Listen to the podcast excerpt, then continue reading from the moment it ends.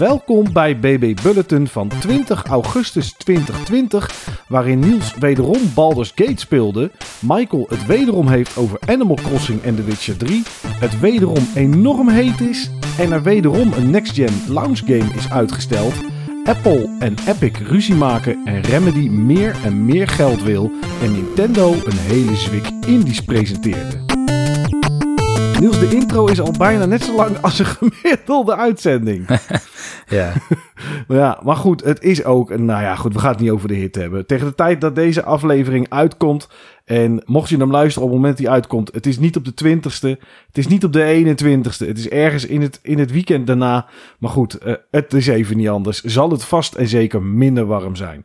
Maar Niels, jij wilde het ja, wederom hebben over Baldur's Gate. Mhm. ja ik heb het volgens mij twee afleveringen geleden erover gehad. Ja, klopt. Toen, toen waren het mijn eerste stapjes in feite in Baldur's Gate. Het creëren van een karakter en hoe in ieder geval het spel, het ontwerp en de wereld op dat moment op me overkwamen. En nu heb ik er zo'n, denk tegen de 40 uur in zitten. Oh, wauw. Toen zat je op de 13 of zo. Ja, precies. Dus ik heb best wel veel gespeeld. En ik heb het uitgespeeld. Oh, kijk eens aan zeg. Ja, en ik ben nog wel eh, de ja, expansions aan het spelen. Je hebt de Tales of the Sword Coast. Die heb ik helemaal gemist. Ik was best wel gedreven, zeg maar, richting het main plot. En Ja. er is nog een, ik ben heel even kwijt hoe die ook weer heet, maar er is een toren. Dat is een toren met ehm, allerlei verdiepingen met daarin een soort van uitdagingen, dungeons. En dat wordt nog steeds gezien als de gouden standaard van level design. Oké, oh wauw, dat is wel iets wat je moet proberen dan inderdaad. Ja, dus ik ben zeer benieuwd. Maar eh, ja, de game dus uitgespeeld en daardoor weet ik ook nu veel beter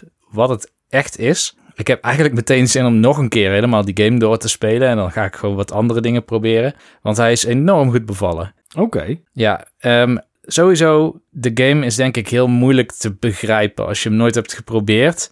Vorige keer hebben we het even gehad over wat was je eerste D&D-ervaring, Dungeons Dragons ervaring. Ja. Nou ja, Dungeons and Dragons roept bij mij op iets met kerkers en draken. Ja. Maar er zitten geen draken in Baldur's Gate en er zitten heel weinig kerkers in. Dus dat is al een ding. ja. Dan de titel, Baldur's Gate. Ik dacht altijd aan iets met een poort. Ja, iets met een hek. Volgens mij is dat ook niet de cover, iets met een hek. Ja, maar dat is eigenlijk... eh, ja, het zal onbedoeld zijn. Maar eh, wat je op de cover ziet is inderdaad een soort van poort. Maar Baldur's Gate is gewoon de naam van een stad. Oh, oké. Er kan wel een hek omheen zitten natuurlijk. Ja, ja het is wel zeg maar, de grootste stad. Dus min of meer de Novigrad zeg maar, van Baldur's Gate. Mhm. Ik denk dat die qua schaal ook wel een beetje vergelijkbaar is. Maar ja, het is dus eigenlijk gewoon de naam van de stad. En het speelt zich af in de, god hoe heet het ook weer, de Forgotten Realms. En dat is een, eh, een wereld die bedacht is door één persoon. Die heeft daar zo'n beetje zijn hele leven aan besteed. Aan het uitschrijven, zeg maar, van die wereld en van avonturen.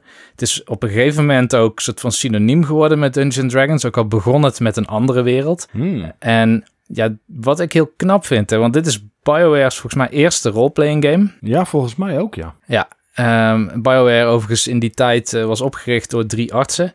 Die hadden net een studie afgerond. Geen enkele had ooit een game gemaakt, maar ze besloten samen games te maken. Oké. Twee konden programmeren.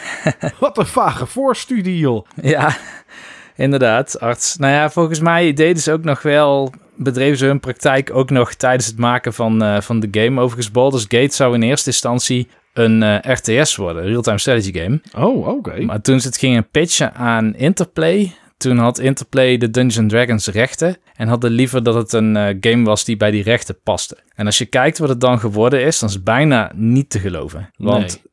qua wat je kan in die game en qua verhaal is het zo verschrikkelijk goed dat, ehm, ja, dat ik heel moeilijk kan andere games er goed mee kan vergelijken of zo. Ik heb wel verteld vorige keer al dat het voor me voelt als een soort van sandbox. Ik begin ook steeds beter te begrijpen waarom. Het is hun eerste game en ze hebben eigenlijk alle regels uit de Dungeon Master Guide en de Player Guide van Dungeons Dragons, eh, Advanced Dungeons Dragons, hebben ze op een of andere manier in die game gestopt. Oké, dat is wel knap. Want dat zijn er Ja. best wel wat. Ja, ja, ik heb er ook last van gehad. Ik zal daar ook een voorbeeld geven. Maar ehm, eh, het loont de moeite om heel even de handleiding te skimmen in ieder geval. Dat je weet wat er ongeveer in staat. Dat had ik eigenlijk moeten weten tijdens mijn playthrough. Want eh, ja, je weet soms door de bomen het bos gewoon niet meer. Ik had meer dan 40 soorten potions. En er zijn meer dan 70 soorten spells. En zo gaat het maar door. En ehm, het is vanuit de game best lastig om in te schatten hoe dat dan allemaal precies werkt en welk effect je kan verwachten. Dat kun je uitproberen natuurlijk.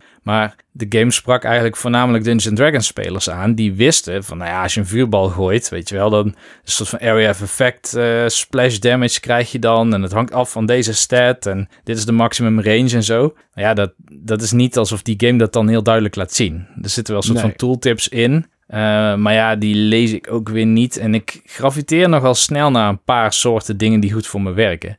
Er zit één punt in de game en dat vind ik het enige minpunt van de game, denk ik. En dat was een soort point of no return. En daarna heb ik een uitdaging gehad en ik heb echt zelden zo vaak een save game opnieuw moeten laden. Zelfs niet in Dark Souls? Zelfs niet in Dark Souls. Oké. Dit, dit sloeg helemaal nergens meer op. Um, uh, op een gegeven moment dan, uh, zonder, zonder al te veel spoilers te gebruiken, je zit dan in een soort van grot. Uh, je ontsnapt aan een bepaalde situatie. Je kan niet terug, je kan alleen maar vooruit. Okay. En, en in die grot op een gegeven moment, als je helemaal aan het eind komt, dan zit daar een soort van middelgrote open ruimte. En die leidt uiteindelijk naar de uitgang.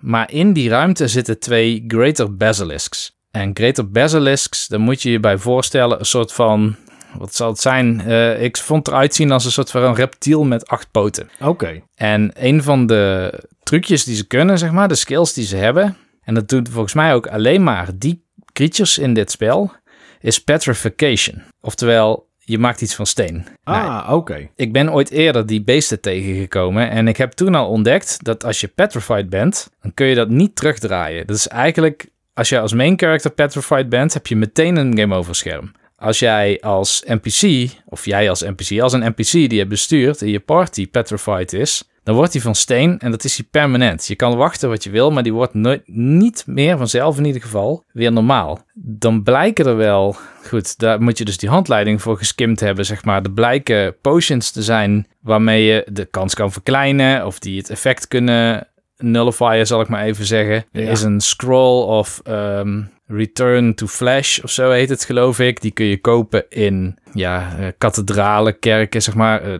uh, tempels, moet ik zeggen. Tempels. overigens, dat is ook wel grappig. Het is een soort van zero-sum game. Dus ik had bijvoorbeeld een keer antidotes nodig. Want ik liep elke keer een gebied in waar iedereen poisoned was. En op een gegeven moment waren ze op bij de winkel. Oké. Oh, bij de winkel ook echt. Er waren gewoon niet meer te koop. Nee, die waren niet meer te koop. Want ze hebben gewoon een soort van inventory. En die wordt niet meer aangevuld. Dus dan moet je maar ergens anders je po potions vandaan gaan halen. Ja, oké, dat is wel listig. Ja, maar even terug naar die situatie. Dus ik sta daar met die basilisks. Ik heb wel eens ooit die dingen verslagen en de juiste scrolls en dingen bij gehad. Maar ik had nu nog maar één zo'n scroll. Want ik bedoel, ik zei net al, meer dan 70 verschillende scrolls. Je weet eigenlijk niet wat je bij moet hebben. Dus ik, ja, ik heb een verdeling van potions en scrolls en zo over eigenlijk al mijn party members. Dat als ik in een situatie kom, dat ik dan op dat moment wel kan gaan puzzelen.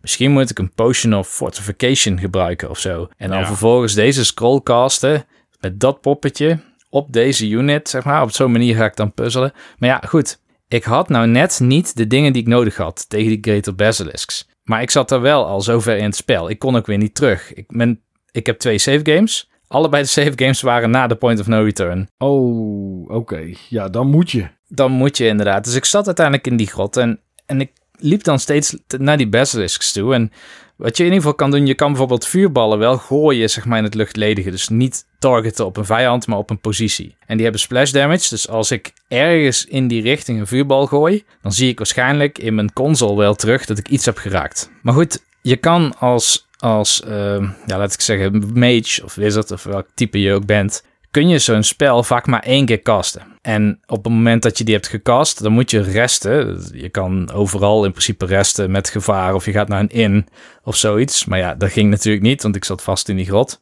Maar als ik rest, dan krijg ik weliswaar mijn spel weer terug. Maar dan zijn die basilisks ook weer helemaal heel. Dus dat was geen optie. Nee. Um, ik had overigens twee vuurballen. Dus ik had op een gegeven moment twee vuurballen die kant op gegooid dan waren die twee basilisks maar voor een kwart af. Op het moment dat ook maar iemand in range kwam te staan, was die onmiddellijk petrified. Dus dat was echt een zeer tricky situatie. Dus ik heb toen enorm lopen safe spammen. En ik heb gewoon in ieders inventory zitten kijken van hoe kan ik het nou, wat kan ik nou gebruiken wat ik bij me heb. Nou, uiteindelijk kwam ik erop uit dat als ik een soort van tank achterlangs de basilisks zou laten lopen, die draaien dan bij. Dat doen ze, zeg maar. Het- ze zien je toch wel. Ja. Ehm, maar het spel pauzeert automatisch. Ik denk doordat ik een unit bij heb die dat als skill heeft. Op het moment dus dat, eh, dat er een combat wordt engaged. Dus op het moment dat die, die beesten iets willen doen, dan pauzeert het scherm. En wat ik toen heb gedaan is, toen heb ik zeg maar ranged units van een afstand op die basilisks laten skypen.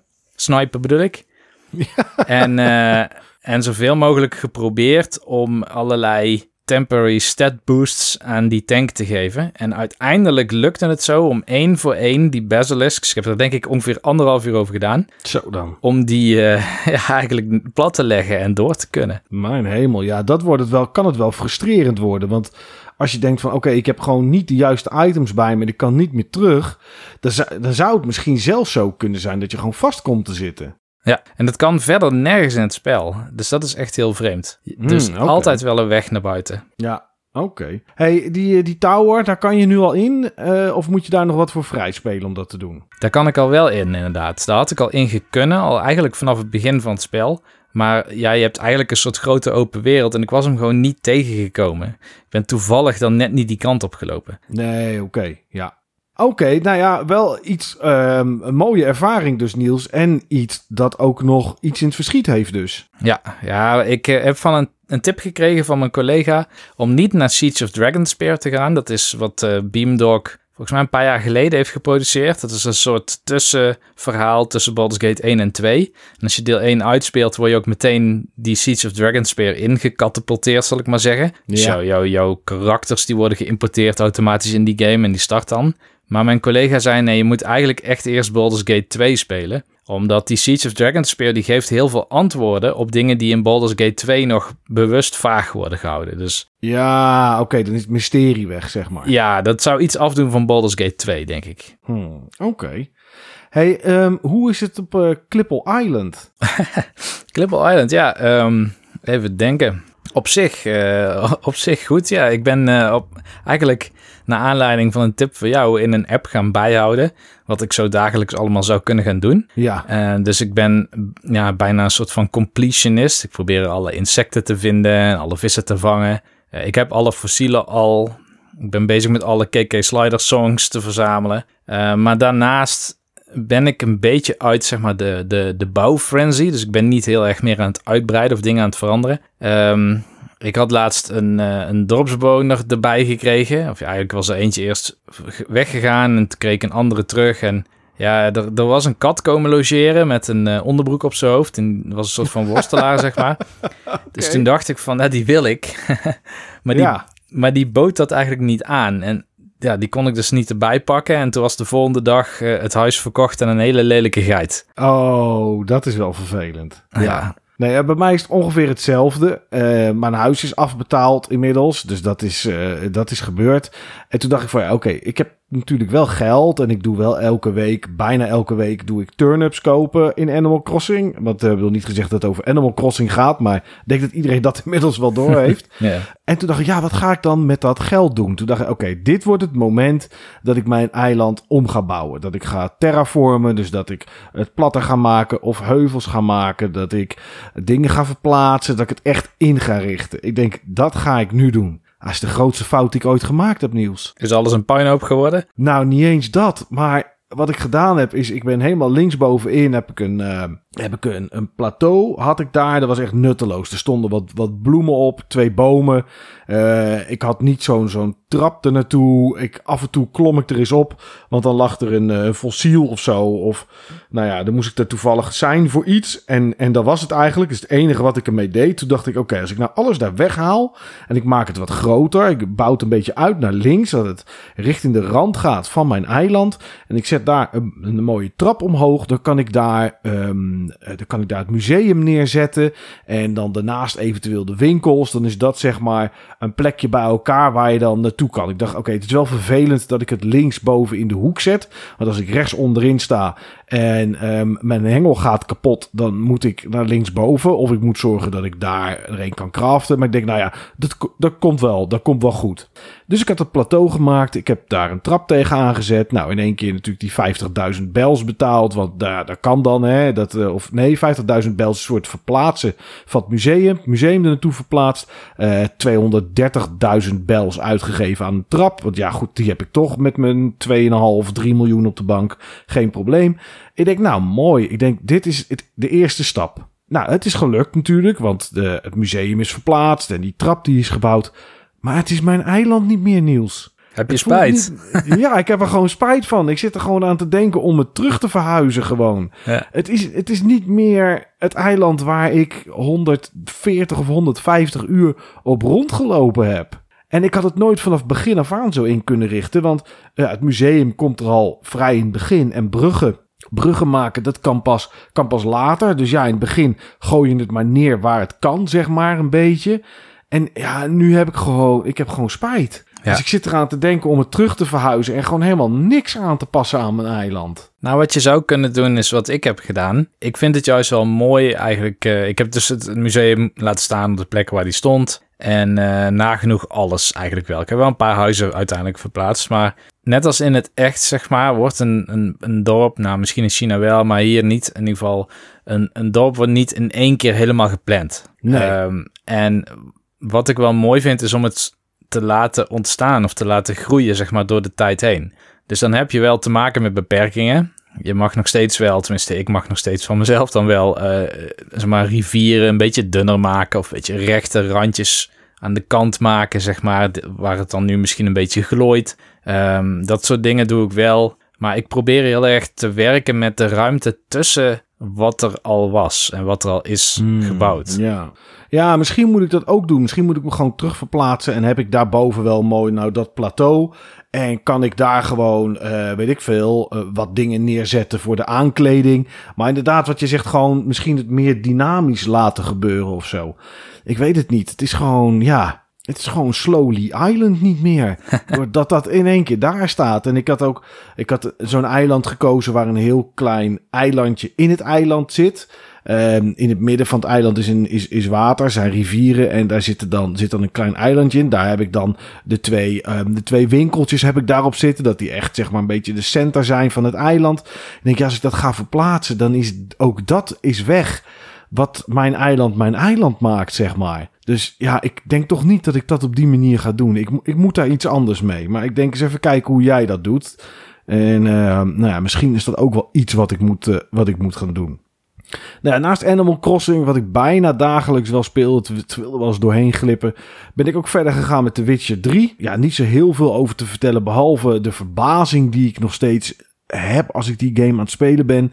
Ik, uh, ik heb er inmiddels 43 of 44 uur in zitten nu. En um, nou, ik sprak daar met jou laatste keer over. Toen zei je, nou, als je naar Skellige gaat, dan moet je maar even laten weten hoe en wat. En ik, ik dacht ongeveer zo'n slordige 10 uur geleden dat ik richting Skellige zou gaan.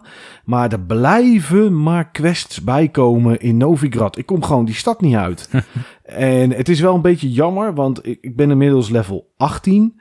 En um, volgens mij is 40 de max, zeg ik even uit mijn hoofd, in de basisgame. Misschien dat het met DLC geüpt wordt, dat weet ik niet. Inmiddels heb ik ook een paar quests die ik niet meer af kan ronden. Um, er is er eentje voor Gwent met het verkrijgen van speciale kaarten. Nou, ik heb dat gewoon toch te weinig gespeeld in het begin, waardoor mijn deck echt nooit wint in Novigrad. Dus, uh, en dat is toch waar ik nu zit. Dus ja, daar heb ik niet zo heel veel meer aan. Um, dat is wel jammer. Er zijn een paar, uh, paar sidequests die ik niet meer kan doen, omdat ik een andere sidequest eerder heb gedaan. Maar ja, misschien het, hetgene wat meest jammer is, is dat ik nog main quest, de story quests heb, die level 12 zijn. En ik ben level 18. En ik speel hem gewoon op normal. Ja, daar kan ik ook wel tegenstanders van drie, vier levels hoger verslaan. Als je een beetje goed dodgt of blokt. En, en met, je, met je spells en je potions een beetje, of je oils een beetje rekent. En, en dat goed doet, kan je wel, um, ja, kan je daar best wel goed doorheen komen, zeg maar. Ja, en dan, het, ja, de, de uitdaging is wel een beetje weg inmiddels. Dat vind ik wel jammer. Ik zou wel aan kunnen geven in de game dat de mobs meelevelen. Dan zou ik dat weer terug hebben. En ik weet nog niet of ik dat ga doen. Ik weet ook niet of dat helpt voor de main quest, moet ik heel eerlijk zeggen. Of dat dat alleen uh, mobs zijn bij vraagtekens en die random rondlopen. Misschien moet ik daar eens naar, uh, daar eens naar kijken. Maar ja, ik blijf me nog steeds verbazen over, over hoeveel tijd er wel niet in heeft moeten zitten om al die audio in te spreken. Want alles is gesproken. En het is heel normaal eigenlijk. Hè? Dat vinden we heel normaal tegenwoordig in games. Dat alles gewoon ingesproken is.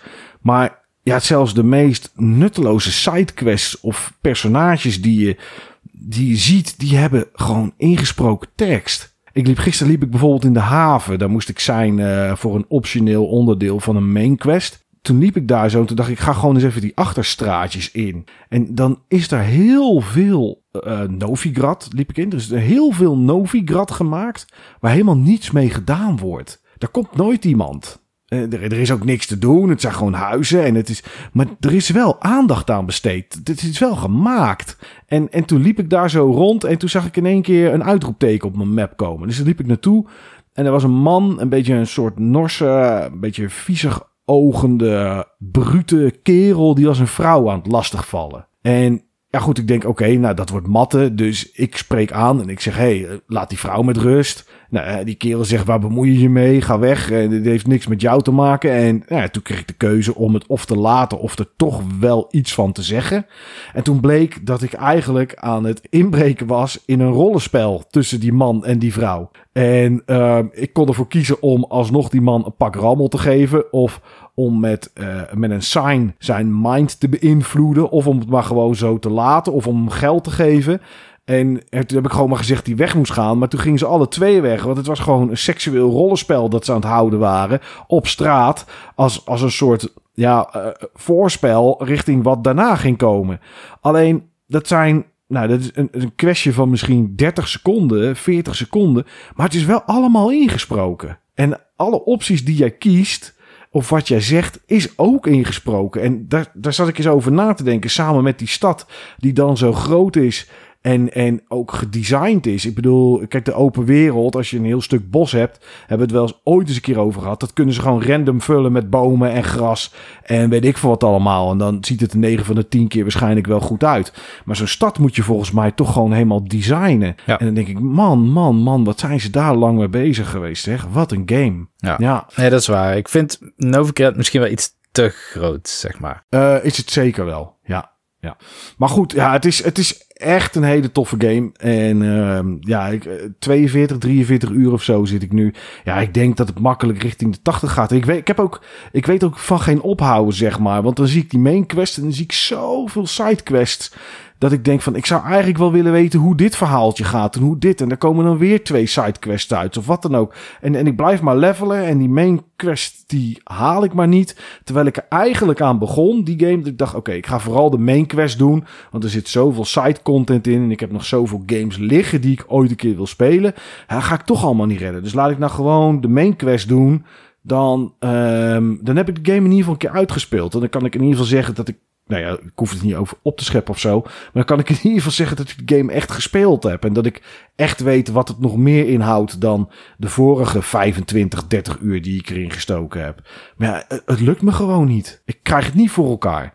dus uh, ja, ze doen dat heel knap. En het is allemaal interessant en het is allemaal leuk. En uh, ja, ik ben benieuwd uh, hoeveel tijd ik er nog voor de rest in ga steken. En of ik dan ook nog de DLC ga doen.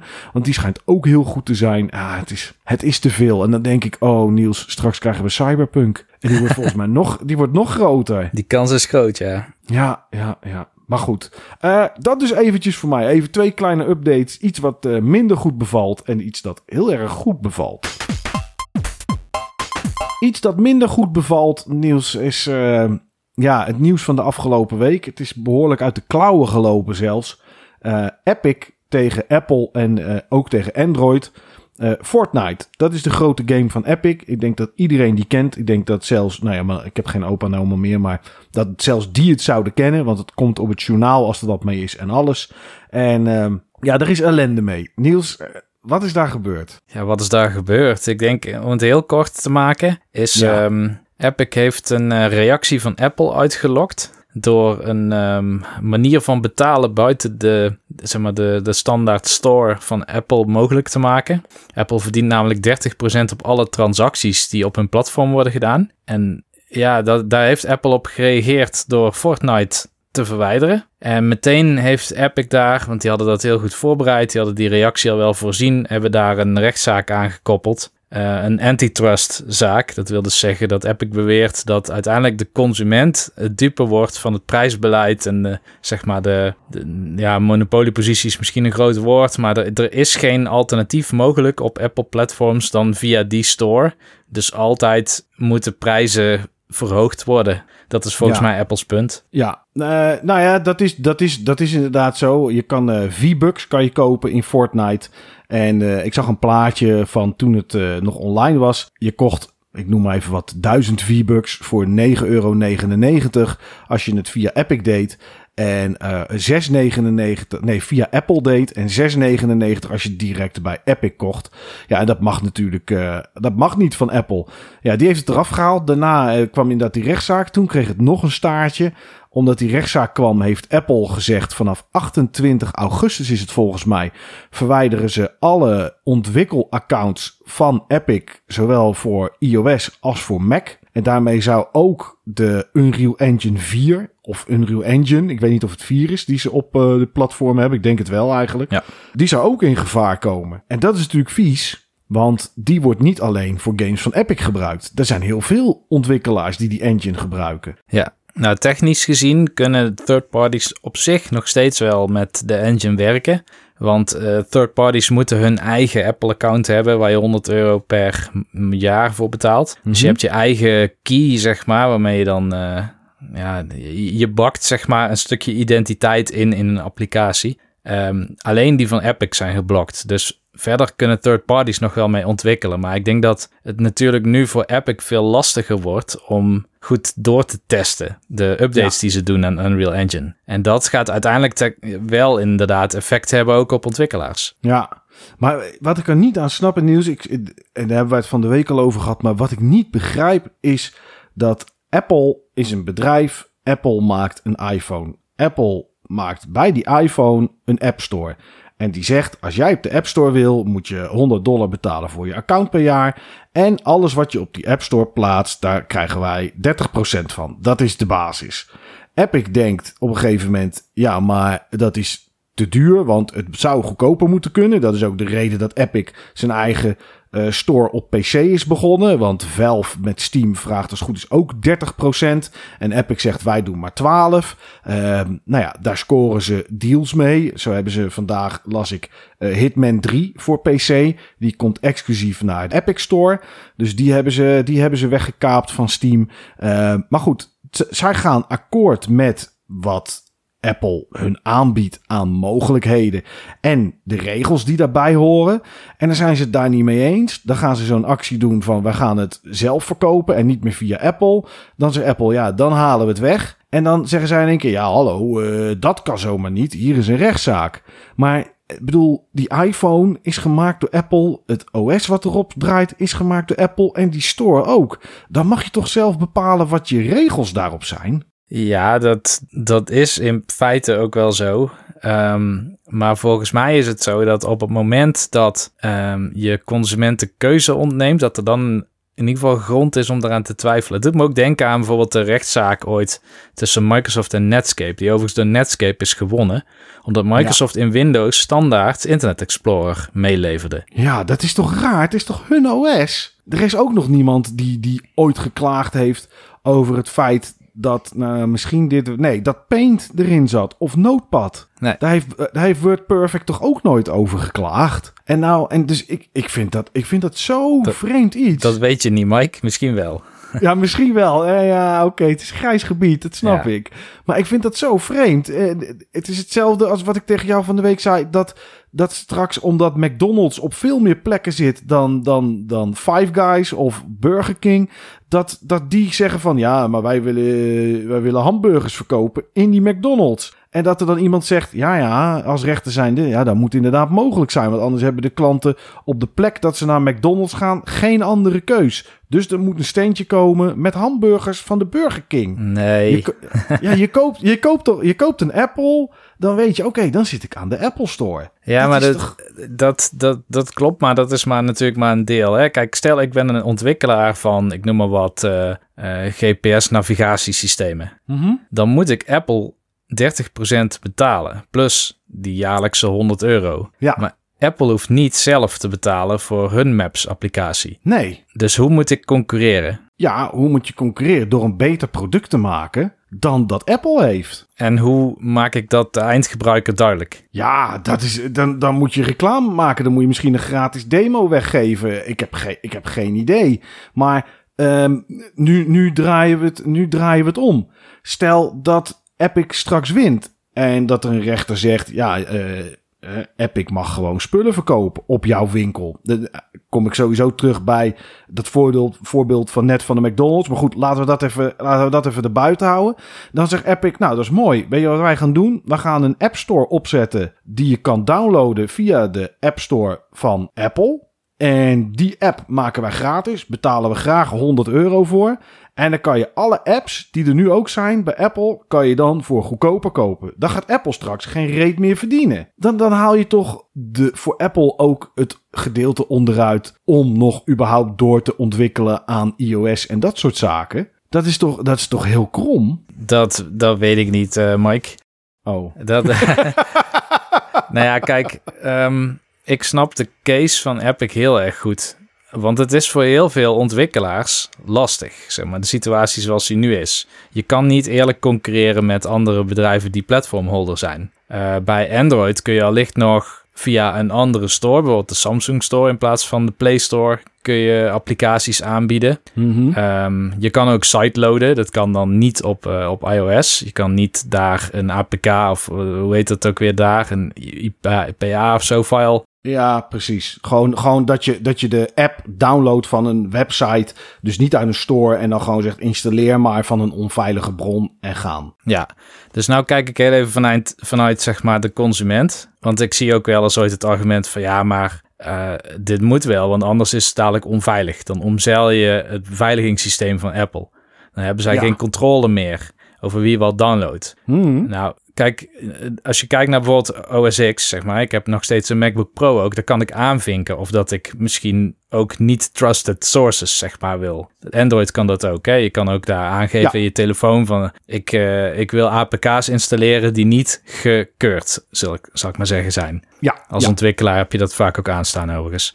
Maar um, eigenlijk uh, zorg je er hiermee dat de consument nooit een keus heeft. Die wordt ook geforceerd om die extra's te betalen. Dus vanuit ja. de consument gezien is het eigenlijk heel raar dat je maar één store hebt en dat je geen concurrentie hebt. Mm, ja, maar ja, je hebt wel de keus om of een Android te kopen of een Apple. En daarmee kies je dan toch voor uh, wat je van tevoren weet, dat oké, okay, daar zit die store aan vast. Ik snap het wel hoor, maar ik, ik, ik, ik, ik snap het idee wel, maar ja, je maakt die keus toch zelf. Dan zouden al die ontwikkelaars die daar tegen moeten zijn zeggen: Weet je wat we doen? We gaan zelf ook een telefoon ontwikkelen. Ik snap wel dat dat niet kan, dat kost veel te veel geld. Maar weet je, dan, dan moet je dat doen of zo. Ik weet het niet. Kijk, op PC vind ik het anders. Uh, PC heb je Windows. Daar zit in Windows zit een store. Hè, Microsoft heeft in Windows 10 een store. Maar daar, dat is, ja, daar kan iedereen een store op bouwen. Want ja, PC als apparaat zijnde is niet echt van iemand. Dus daar heb ik dat minder mee. Maar ja, weet je, zo'n Apple of zo'n. Die is van Apple. Apple maakt niet alleen iOS, wat erop staat, die maakt ook het apparaat. Dus dat, ja, weet je, ja, goed. Nou ja, wij komen er toch niet uit. Ik denk het ook niet. Nee, maar goed, weet je, het is wel interessant om te zien wat er gaat gebeuren 28 uh, augustus. En met de rechtszaken daarna, ik denk dat het nog heel lang gaat, gaat duren. Ja, de, uh, hoe heet het? De consument is er de dupe van. Volgens mij kan je op Apple het nu ook niet meer spelen. Zeg ik heel voorzichtig. Op Android nog wel. Uh, het is wel uit de store gehaald, maar volgens mij weer uit de App Store van Google, uit de Play Store. Maar volgens mij niet uit de Android of de Samsung Store. Al die, al die stores. Uh, maar Mooi goed, toch? ja, we gaan de Samsung-gebruikers kunnen nog steeds Fortnite spelen. Ja, Hm. ja. Die kunt nog steeds downloaden. Maar iedereen, want je kan ook gewoon naar de website van Epic en die APK installeren. Ja. Dat kan ook gewoon. En dan kan je het ook gewoon nog spelen. Ja, goed. Nintendo had een Indie Direct, denk ik dat het heet. Of een Indie Showcase. Indie World Showcase of zoiets. Ik heb niet gekeken, Niels. Oké. Helemaal niet. Ik heb niet eens gezien wat erin zat. Hm. Eh, dat lukte gewoon niet deze Nee. week. Dus ja, heb jij daar iets gezien dat je zegt, oh, let hierop? Of dit was boeiend? Nou, ik denk dat eh, in dingen die ik lees, zoals als ik kijk Easy Allies of Kind of Funny Games, die waren er enorm tevreden over. Ik had in eerste instantie had ik hem aangezet terwijl ik met twee collega's op het terras op ledig erf in Utrecht zat. Eh, maar dan let je gewoon niet op. Dan zie je wat gameplay en ja, die ken ik, die game. Maar ehm, ik denk wel dat dit de beste indie showcase is geweest die ik tot nu toe heb gezien. En ook de beste show van dit jaar dan voor games qua line-up. Oké, zo. dat komt omdat eh, het was niet zozeer dat er hele nieuwe dingen werden getoond. Ehm, er werd geen, eh, ja, ik noem maar wat, eh, nieuwe eh, Fall Guys-achtige game, zeg maar, gelanceerd. Het waren wel bijna allemaal hele bekende games. Maar het waren games zoals Hades. Hades van, ehm, hoe heet dat ook weer, dat bedrijf? Supergiant Ja. of zo? Nee. Ja, ja, volgens mij wel. Dat zijn de, de gasten die ook van eh Bastion en Transistor. Bastion... Ja, ja, precies, Fire. die gasten, ja. Ja, Ja, Ja, dit is, dit is best een hit op PC. Eh Hypnospace, eh Spiritfarer, die zit trouwens ook in de Game Pass. Ziet er heel interessant uit. Het is een game waarin jij een soort eh, pontje hebt, zeg maar. En daarin breng je geesten naar de onderwereld. Tenminste, dat is wat ik ervan heb begrepen. Maar je moet ook nog eens bouwen op dat pontje. Dus een building sim en, en meer van dat. Eh Raji was een soort Prince of Persia game, maar dan gemaakt in India en ook met het thema India. Dus dat zag er heel goed uit. Short Hike zag er goed uit. Eh, Torchlight 3 zat erin. Oh, die heb ik van de week wel op eh, Steam gezien. Of op Steam, op Twitch heb ik iemand het zien spelen. Ja. Ja, ik was niet zo... mm, ja, ik ben daar ook niet zo'n fan van. Bear, Bear and Breakfast, dat is iets voor jou. Bear and Breakfast, oké. Dan ben je een beer en dan moet je een soort herberg bouwen. Oké, is dat dan ook zeg maar uit dat sprookje, dat met honing en zo? En, eh, dat- Geen idee.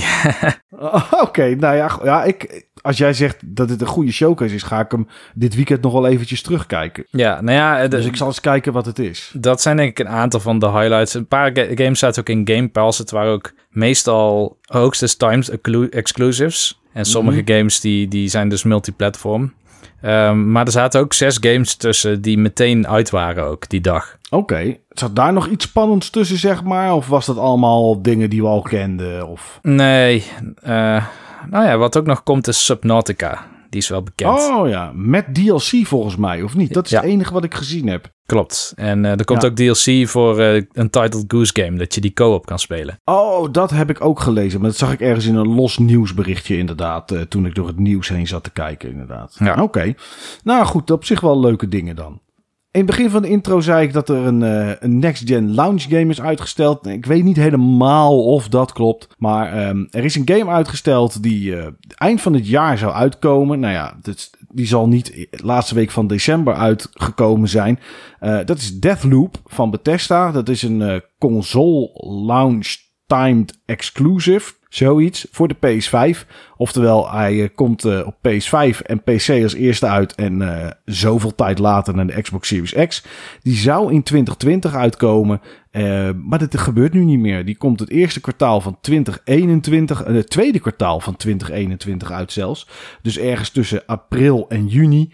Ja, ik ben heel benieuwd. Nieuws eh, sowieso. Het is nu 20 augustus.